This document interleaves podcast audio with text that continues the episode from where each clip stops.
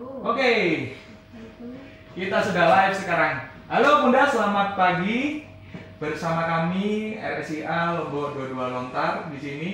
Eh, kemarin kita sempat post ya, kita mau nge-share tentang apa sih kemarin itu tentang tetap sehat dengan olahraga di rumah saat pandemi bersama Bidan Erlia.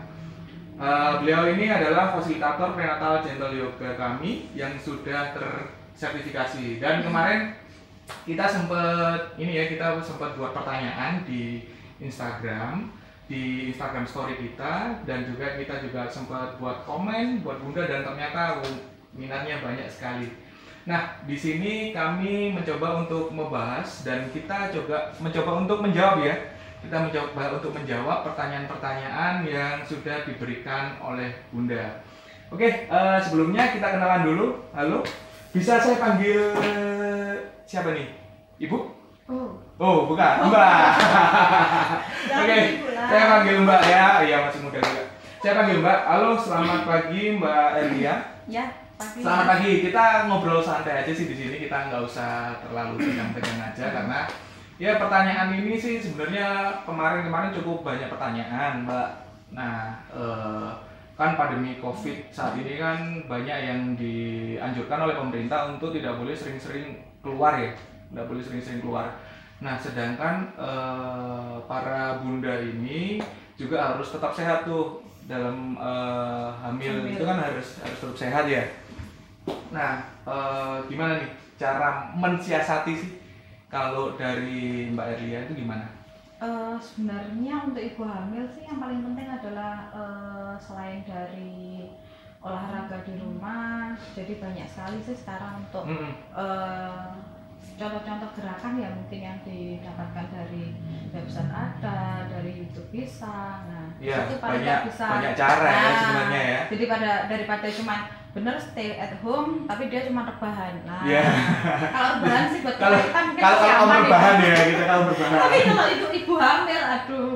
harus banyak aktivitas ya Nah, sebenarnya ya. Dan aktivitas itu juga bisa dilakukan di dalam ruangan ya. Bisa, juga bisa dilakukan di dalam ruangan. Jadi di lingkungan rumah pun jalan-jalan ke depan juga masih lumayan. Oh, daripada oke, nggak- cuman jalan-jalan aja atau mungkin bersih-bersih rumah gitu. Lah itu tambah Oh, gitu ya. manfaatnya banyak. Selain Oke. rumahnya bersih, Mm-mm. ibunya juga pasti tambah sehat. Mm, mm, mm, mm, mm. Tapi eh, di sini kita ngebahas tentang eh, tetap sehat nih eh, dengan olahraga. Jadi kan eh, Mbak Erlia juga tahu sendiri ya kalau eh, bunda yang dalam kondisi hamil kan nggak bisa olahraga yang terlalu berat tuh. Jadi kayak misalnya dulu ada bunda yang eh, hobi nge-gym gitu kan pasti otomatis nggak boleh ya untuk saat ini ya, gitu kan? Nah ini solusinya gimana sih eh, untuk olahraga supaya tetap fit?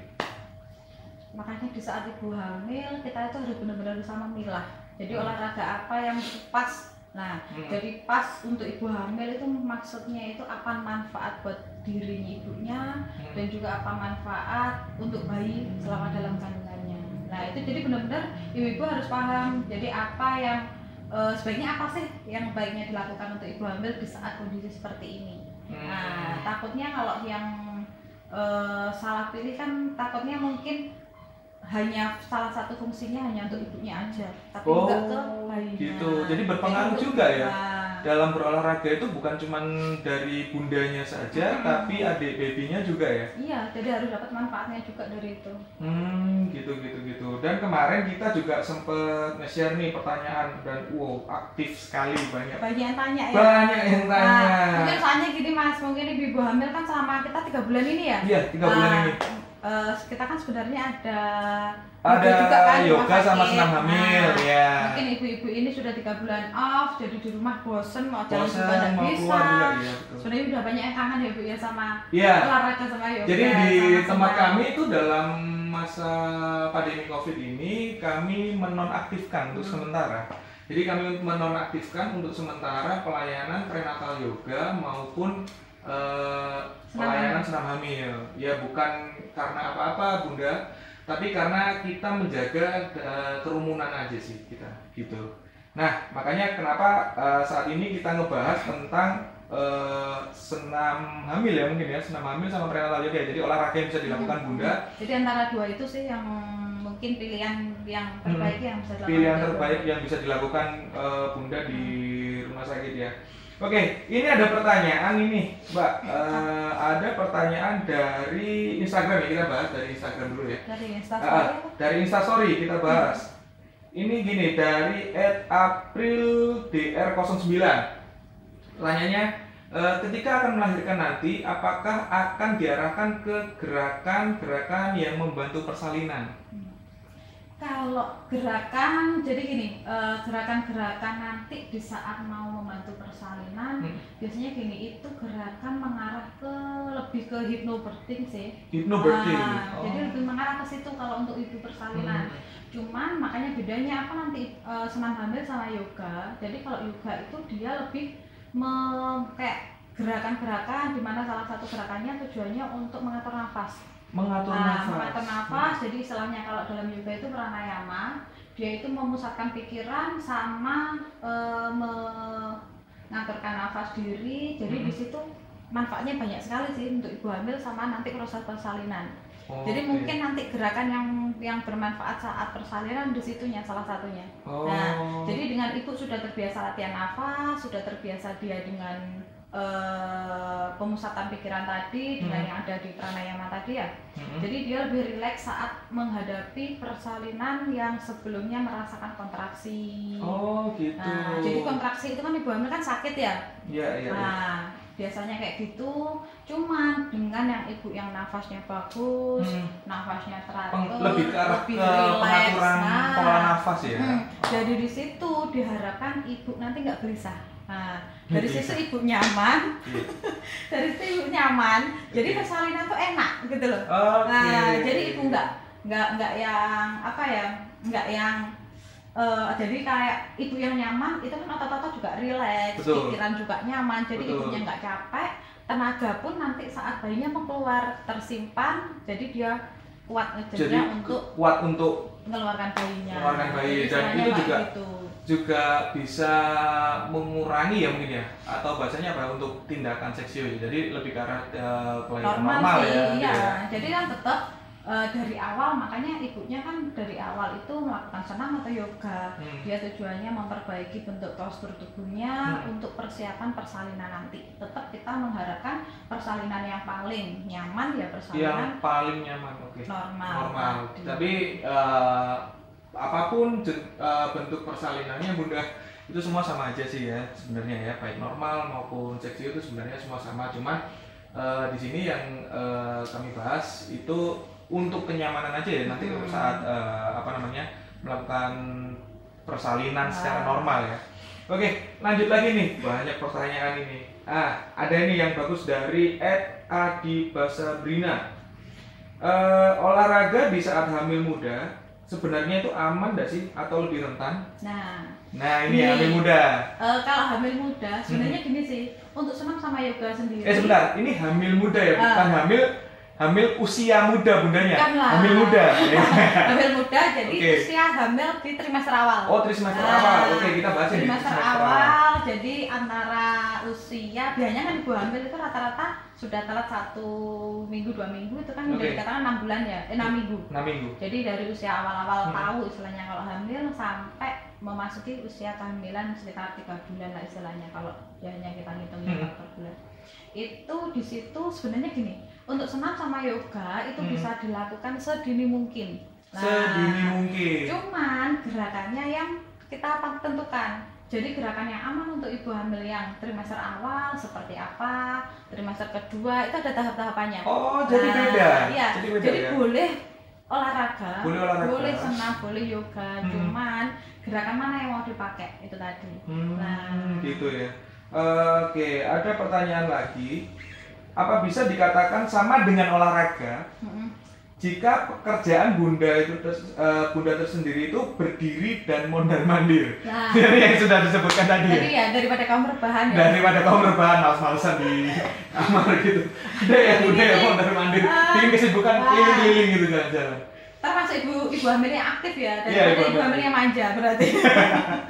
Eh, Jadi gini, gimana gimana eh, termasuk ya dianggap aja kalau menurut saya lebih bagus sih ibunya Iya. sudah ada semangat untuk banyak untuk aktivitas ya ibunya. ya. Tapi bedanya kalau yoga sama senam, jadi kita memperbaiki postur tubuh. Jadi Oh, oke. berdiri pun untuk ibu hamil karena adanya perubahan bentuk tubuh itu nggak Hmm. selalu berdiri. Jadi bagaimana berdiri yang benar, Hmm. bagaimana kita cara duduk yang benar. Nah Hmm. dari situlah kita pentingnya untuk melakukan gerakan-gerakan di antara yang ada yang kita pelajari Jadi ada ada itunya ya, ada istilahnya kalau Bedanya di kita situ. bilang sih tekniknya ya, Nah, ada jadi tekniknya sendiri tekniknya ya. postur tubuhnya. Hmm, hmm, Nah, hmm. Jadi nggak asal dari situ. mondar mandir Hmm. mondar mandir aja ya. eh, mungkin ibu-ibu sendiri bisa melihat kan, mungkin Hmm. kita sendiri atau kalau kita sih mungkin jarang bisa lihat diri kita sendiri sih. Hmm. Jadi teman-teman atau orang yang ada di sekitar kita, kita lihat aja dulu posturnya sebelum hamil seperti apa. Nah di saat Hmm. hamil dia posturnya sepe- seperti apa. Pasti kan Hmm. ada perubahan. Betul. Sedangkan rata-rata nanti yang misalnya ininya apa itu Punggungnya. punggungnya maju, Hmm. ininya lah postur seperti itu yang seharusnya diperbaiki dari dini Hmm. yang salah satu yang bermanfaat selama kehamilan untuk Hmm. mengurangi beberapa eh, gangguan. Gangguan, Nah, ya. Karena kan dengan adanya yang ininya apa tuh punggungnya maju kayak gini kan akhirnya dia merasa sakit kayaknya nyeri. sakit di punggung. Nah, oh berarti tekniknya dipelajari di dalam olahraga tadi. oh gitu. Berarti bisa membantu teknik eh, selain eh, nanti mengurangi ya, bisa Hmm. mengurangi ya itu ya. Mengurangi. Bisa mengurangi rasa sakit juga nanti bisa membantu bahkan bisa kalau memang kita lakukan rutin bisa hilang sih keluhan itu. Oke, nah ini ada pertanyaan juga dari Ed Fitri Adinati. Seberapa banyak sih porsi olahraga untuk ibu hamil yang pernah pendarahan dan wajib bed rest? Hmm. Gitu. Jadi berapa Eh, porsinya? Kalau itu Kita bahas gini aja sih. eh, kita bahas yang lebih eh, untuk yang normal-normal aja, Ah, nggak ada masalah. iya. Kemudian yang kedua eh, yang pernah pendarahan atau wajib bed Hmm. rest. kalau itu dilihat dulu sih. Jadi eh, mungkin gunanya ini perdarahannya disebabkan karena apa, Hmm. bed restnya disebabkan karena apa. Hmm. Jadi tetap eh, untuk yoga atau senam itu bisa dilakukan oleh semua ibu hamil. Cuman tergantung dari kondisi fisik ibunya tadi sendiri.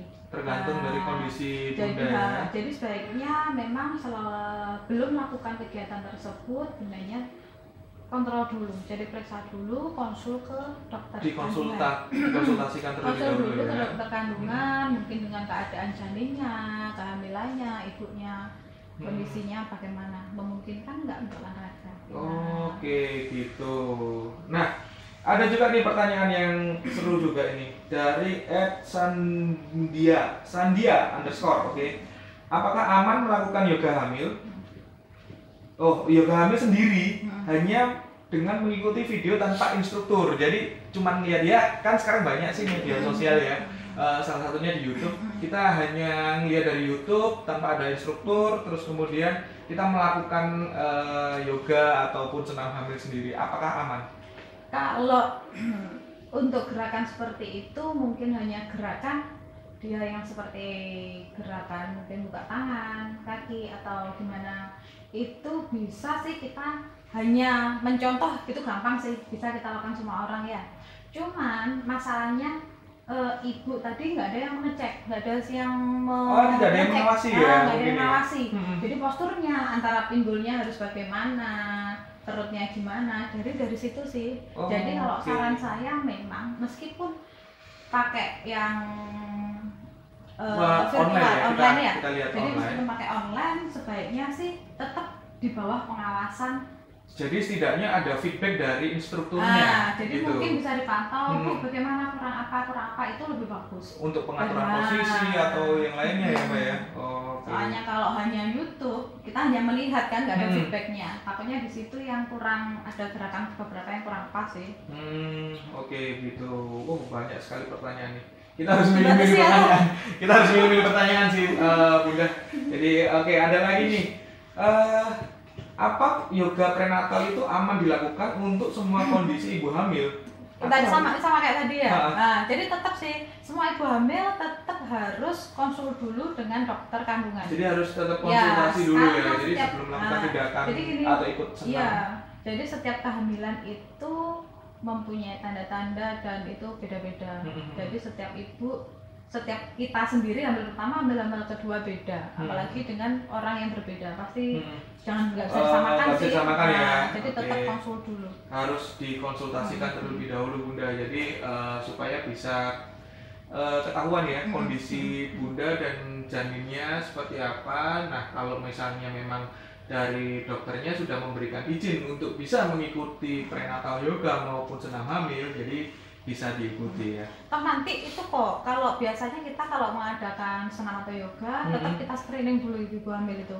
Oke. Jadi sebelum kita melakukan kegiatan itu jadi belum acaranya kita mulai kita screening dulu. Kita ada Salah wawancara. satunya, ah, jadi Hmm. wawancara riwayat ibunya apa keluhannya apa saat ini kondisinya bagaimana kita periksa tensi juga tensi Oh. sama detak jantung bayi Oh jadi sebelum kita dulu melakukan off ya karena Mhm. pandemi ini ya, eh, yang harus dilakukan dari pihak instruktur atau dari pihak rumah sakit Mhm. untuk screening itu apa aja sih?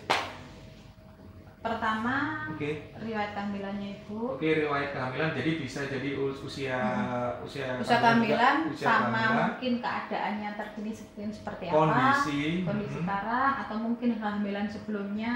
Mhm, tensi ibu hamil. Tensinya, tensinya di situ ada tensi sama nadi jadi tanda-tanda vital ibu. Mhm. kemudian detak jantung bayinya juga. Detak jantung bayi juga, Nah, terus juga kita eh, apa itu kita data jadi kita tanya ibu mungkin kondisinya sekarang benar-benar fit atau enggak istilahnya kita wawancara ya, Nah, istilahnya kita wawancara terlebih dahulu ya.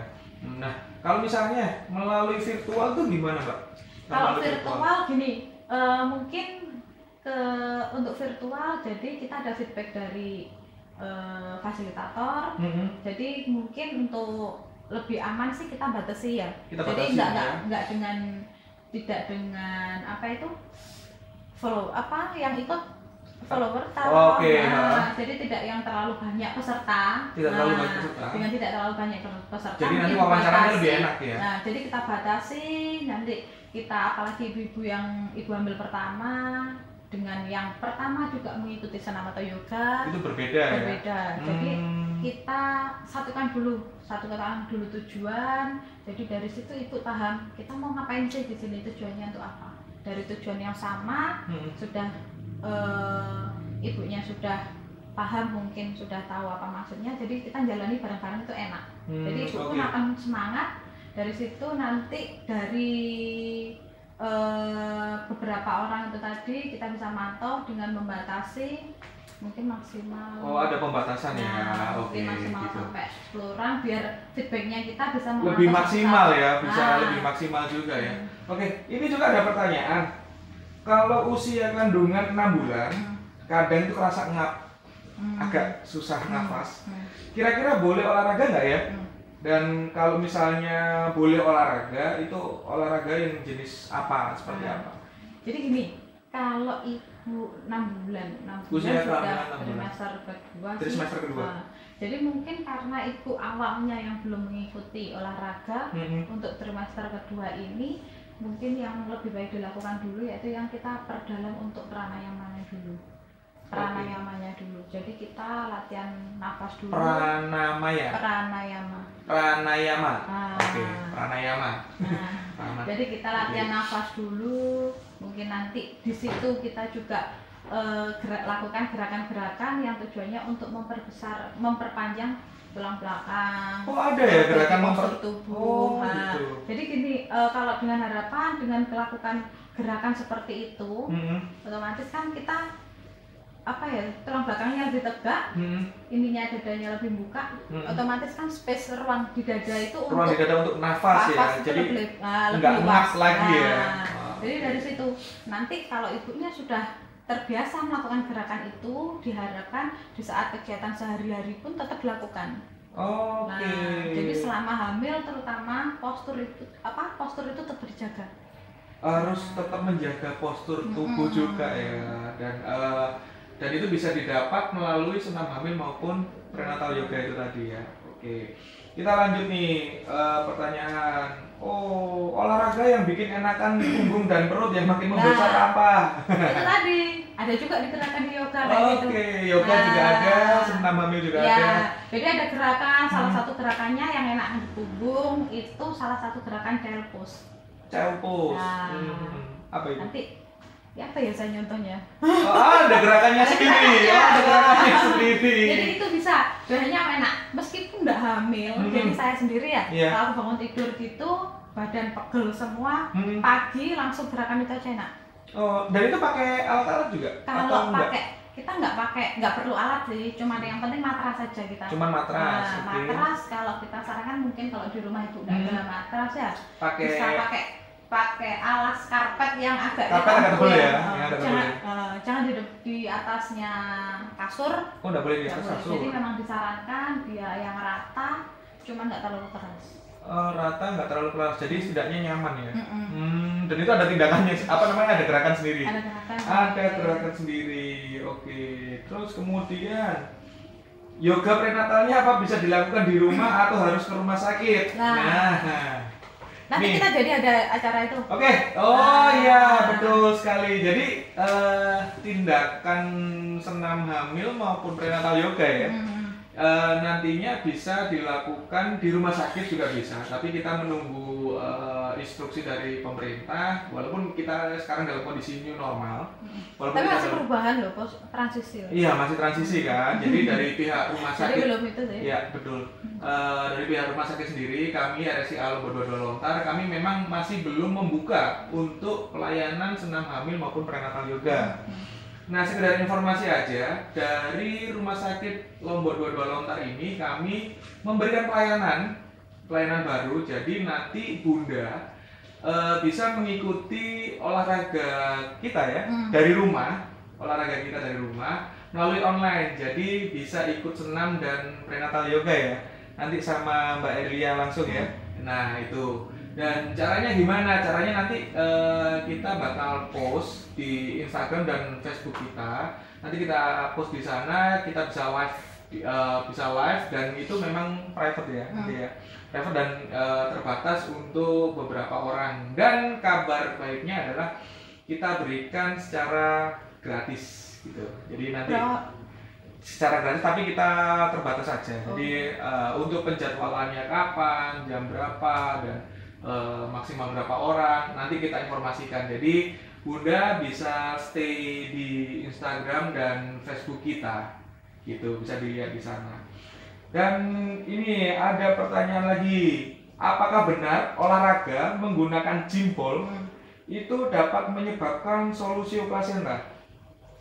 Kalau itu eh, belum pernah dengar ya mas. Belum pernah dengar. Ah, Jadi aku saya belum pernah dengar kayak gitu atau mungkin pasien yang kondisi seperti itu dan juga belum ada referensi juga sih yang Hmm. memastikan kalau kondisi kondisi ibu hamil dengan seperti itu disebabkan oleh jimpol. Jadi kalau enggak Jadi gini aja sih mungkin lebih pertanyaan Ah. lebih ke arah gini sih Mbak. Eh, apa sih kegunaannya sebenarnya Nah, simbol ini? kalau jimbol sendiri sebenarnya kegunaannya kita lebih mengarah ke posisi panggul ya. Ke posisi Nah, panggul. Jadi Oke. dia eh, olahraga itu gerakan itu fokusnya ke panggul. Nah, Oke, fokus jadi ke gerakan panggul. lah. Jadi gerakan kita. Jadi panggul itu pun dalam yoga ada yang untuk tujuannya untuk membuka panggul atas, untuk Mhm. membuka panggul bawah.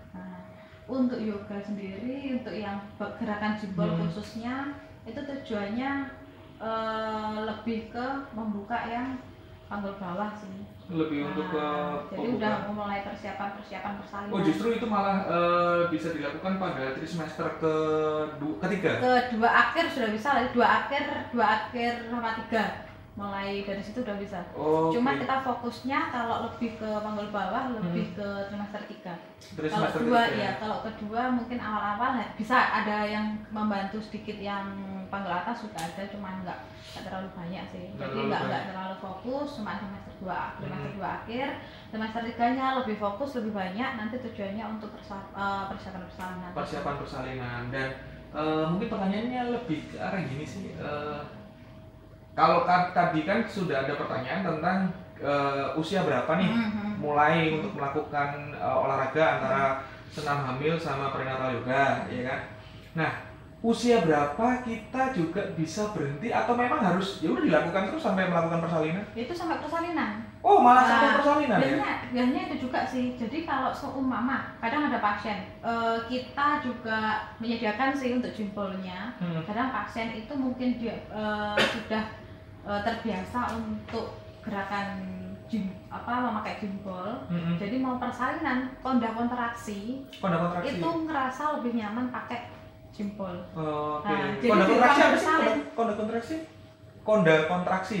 Sudah Oh, ada sudah ada kontraksi. Ah. Oh, maklum orang awam. jadi sudah ada kontraksi Oh, sudah ada kontraksi. kenceng-kenceng. Sudah kenceng-kenceng. Nah, Oke. itu dia nyari nyari tanya ke susternya terus "Eh, ada nggak sih jumlah di sini habis itu susternya hubungi ke Mhm. pihak ke kita tanya oh iya nggak apa-apa pakai aja nah jadi di situ ibu hamilnya ngerasa lebih nyaman Lebih nyaman. nah Oh. juga nanti dibantu sama teman-teman juga gerakannya bagaimana jadi Hmm. makanya alangkah baiknya sebelum persalinan ibunya tadi sudah belajar dulu Oke, jadi dimulai dari usia berapa sebenarnya boleh boleh aja ya. sedini mungkin Sedini sampai mungkin nanti mau sampai lahiran menjelang lahiran. Nah, dan itu eh, tetap harus dikonsultasikan ke dokter Tetap. secara kontinu ya. tetap Jadi eh, harus oh saya sudah ikut senam hamil, saya sudah ikut prenatal yoga, berarti ya sehat-sehat aja, fan-fan aja enggak ya. Nah, Jadi kan tetap tetap kan ibu hamil kan ada waktu untuk kontrol Iya, ya. betul, Dari waktu waktu. nanti pasti dokter yang ngasih tahu kondisi ibu bagaimana, kondisi bayinya bagaimana, kayak gitu. Mm-mm. Dari situ kan bisa disimpulkan kondisi yang bagus, kondisi yang sehat, akhirnya bisa untuk melakukan Oh bisa dilanjutkan ataupun nanti bisa Nah. untuk sementara istirahat dulu gitu juga bisa ya. Jadi Hmm. Eh, kita saling berkesinambungan ya, Kolaborasi. berkolaborasi Ya. sorry. Kita saling berkolaborasi antara dokter dan eh, kegiatan olahraga itu tadi ya. Oke. Ada lagi nih pertanyaan, apakah hmm, nih apakah ada kondisi tertentu ibu hamil dilarang melakukan olahraga atau ikut kelas 6 hamil? Mohon penjelasannya. Nah. Ya itu tadi ya kondisi ya. Iya, Jadi sama. kita harus harus eh, tetap saat kontrol rutin juga harus apa namanya kita selalu update juga ya. Gitu ya. Oke. Ada lagi nih. Oh, ada lagi nih. Cuman pertanyaannya di luar topik sebenarnya. Sebenarnya pertanyaannya di luar topik. Eh cara pijat PD agar ASI lancar gimana ya? Anak saya usia 8 bulan. Apakah senam juga bisa memperlancar ASI biar tetap deras? Nah, ini berarti setelah setelah melahirkan. Eh, sebenarnya setelah melahirkan ada juga sih senam ini kan kita Oh, ini hamil kita- kita sama prenatal gender yoga. Oke. Nah, sebenarnya ada juga senam yang untuk ibu yang habis melahirkan. Oh, ibu ada juga. postpartum. Jadi Postpartum. apa itu Hmm. senam nifas istilahnya. Nah, itu juga ada. Hmm. Nah, dari situ kita mulai memperbaiki gerakan postur-postur tubuh setelah ibu melahirkan. Salah satunya bisa juga untuk eh itu? untuk Membantu ASI tadi bukan? Ya mengarah ke situ sih bisa sih Mhm. jadi ada gerakan kayak gitu juga cuman kalau Mhm. menurut saya nanti eh, kalau seumpama ibu mau ikut yoga yang tujuannya untuk melancarkan asi Mhm. itu gerakannya itu lebih ke kembali ke pernafasan sih Lebih ke arah ke Oh. pernafasan ya kalau soalnya kan ya. ya soalnya kan nanti ibunya rileks Mhm. mengarah ke membantu hormon oksitosinnya ibu Oh, nah Oke. jadi untuk melancarkan asi terus yang tadi untuk apa masas atau Untuk masas cara pijat. Nah, kalau cara pijat ada juga caranya. Nah, jadi cara pijat itu bisa dilakukan paling enggak satu hari sekali. Hmm. Cuman pijat eh, untuk ibu menyusui itu takutnya gini. Kadang ibu-ibu tuh gini menganggapnya. Dengan aku melakukan rutin Melakukan rutin masas, masas. eh, masas PD itu asiku bisa banyak. Nah, Oke. padahal gerakan masas itu tujuannya adalah untuk merilekskan aja. oh, sebenarnya Nah, supaya rileks nah, aja ya. Jadi untuk menyusui, jadi ibu itu menyusui mau mompa asi itu itu nggak nggak yang oh harus harus dipijat lah, gitu ya. harus dipijat oh langsung cuman kayak gini enggak sih jadi sebenarnya banyak sekali yang mempengaruhi itu nah Hmm. mungkin nanti suatu lain kali mas nanti kita adakan itu ya Oke, Sesinya boleh, boleh. Berarti Nah. Bunda gimana nih kalau misalnya nanti khusus ke itu sendiri aja biar Oke, kupas. berarti Nah, oke, berarti Soalnya mungkin gini, Bunda. Jadi nanti kalau misalnya Bunda tertarik nih eh, mengenai apa namanya tentang apa ya? Ini kalau saya bilang bisa laktasi ya. laktasi Laktasi ya. Ah, Ah, kita kita bikinkan eh, satu waktu khusus Hmm. nanti kita coba live kita juga eh, butuh pertanyaan dari bunda apa sih yang mau ditanyakan oleh Hmm. bunda tentang laktasi ini tadi gitu ya biar nggak bingung sama biar ini nggak bingung mana ya. yang bahas ini yang bahas nanti Hmm, biar nggak nggak terlalu Hmm. bercampur ya karena saat ini kita ya. lagi ngebahas tentang olahraga yang Nah. bisa bunda lakukan dan untuk laktasi itu nanti mungkin sama Ya, Mbak lagi ya boleh ya oke Apa boleh ya, bahas. Oke, nanti kita ngobrol-ngobrol banyak. Oke, kita lagi eh, lanjutkan pertanyaan ini ada lagi. Jadi eh, untuk senam hamil sama prenatal yoga itu kan dari gerakan itu kan berbeda ya? sebenarnya beda sih Berbeda ya? Beda. Oke, nah kalau dari senam hamil dan prenatal yoga Hmm. itu bedanya ada di mana sih? kalau senam jadi senam itu kita untuk mengolah fisik Untuk Nah, mengolah fisik, oke. mengolah fisik tujuannya ibu hamil tetap bugar Hmm. nah jadi lebih ke situ kalau yoga itu lebih ke perpaduan antara mengolah fisik meriliskan otot-otot sama itu lebih ke pernafasan tadi lebih fokus lagi Lebih mengatur ke pernafasan ya. Nah, juga untuk memperbaiki posturnya juga diper, di, benar-benar diperhatikan di situ memperbaiki postur dari bunda tadi ya. Ah. Nah, eh, berarti kalau saya mau pilih nih, eh, baik mana sih senam sama prenatal yoga? Kalau sebenarnya dari saya pribadi, kalau memang manfaatnya yang paling Hmm. besar untuk yoga sih. Oh, untuk dari manfaatnya untuk yoga ya, tapi eh, semua sebenarnya baik ya. Iya, untuk- soalnya baik juga. Hmm. Cuman kadang nanti kendalanya kalau senam kan masih masih eh, mungkin gerakannya masih yang simple ringan sih ya. hmm. Cuman kalau yang yoga kita, jadi maksudnya bukan berarti gerakan yang sangat yang olahraga yang ekstrim misalnya yoga sampai apa itu Sampai diangkat iya, angkat, ah, betul, betul, enggak, sampai sih loncat-loncat kayak gitu kan ada yang gitu ya, kayak yang sampai berdiri tangan, kaki gitu. Eh, jadi lebih ke lebih detail. Oh, lebih Nah, detail. lebih detail Oke. gitu. Kayak gitu sih. Nah, kalau misalnya gini, eh, saya nih eh, Bunda, saya mau ngikut senam hamil. Setelah Hmm. senam hamil, saya mau ikut yoga gimana? Kalau itu kecapean sih kalau dalam Oh, nanti malah justru over ya malah ya. Jadi eh, waktu sen- waktu untuk ibu hamil yang olahraga, Hmm. olahraga dalam sehari pun dibatasi. Jadi Oh, dibatasi oke. yang paling bagus itu melakukan senam atau olahraga itu paling nggak satu jam. Satu jam. Nah, jadi nggak lebih dari itu. Oh. Kalau kurang pun ya mungkin eh, kurang efektif ya. Dan itu dalam waktu Jadi dalam waktu aja sih. dalam waktu berapa lama?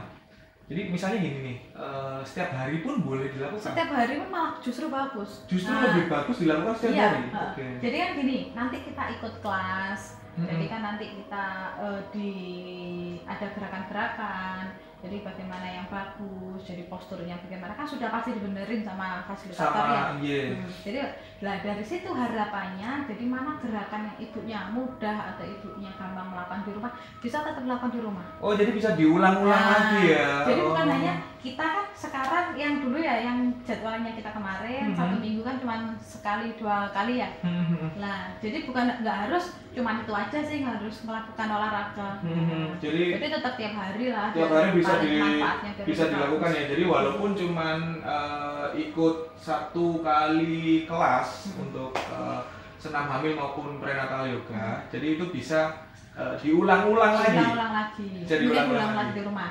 Nanti kelas berikutnya kita nanti ada gerakan baru lagi. oke Nah, jadi gitu. itu semester berapa, semester berapa.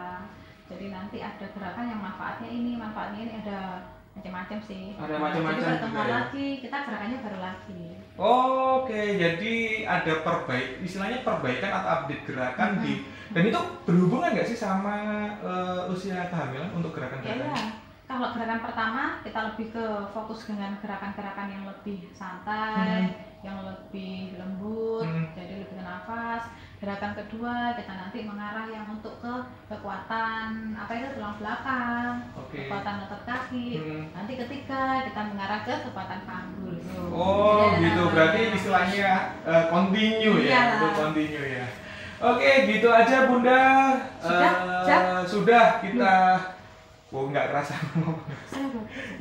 nggak kerasa kita 11. Kita lama eh, kita ngobrol. Cuman kalau memang eh, ada banyak pertanyaan dari Bunda yang memang belum bisa kita jawab. Ada ya. banyak ya? Ada banyak, ada banyak pertanyaan dan eh, ada beberapa pertanyaan yang sudah kita jawab dan kita juga berterima kasih juga sama Bunda yang sudah mengirimkan pertanyaan ke Instagram dan Facebook kita di sini dan eh, kita mau quote lagi nih sa- sama Bunda nih kita mau tanya mention ke Bunda nanti Bunda bisa mengirimkan data diri dan kita bisa berikan untuk hadiah menarik dari Rumah Sakit Lombok Dua Lontar oke gitu aja Selama saya Rinto dari Rumah Sakit Lombok Dua Lontar dan Saya Bidan Erlia. dari Rumah Sakit Lombok Dua Lontar kami ucapkan terima kasih. Selamat semoga sehat siang. selalu. Ya, semoga sehat selalu. Semuanya. Oke, selamat siang. Terima kasih. Dadah.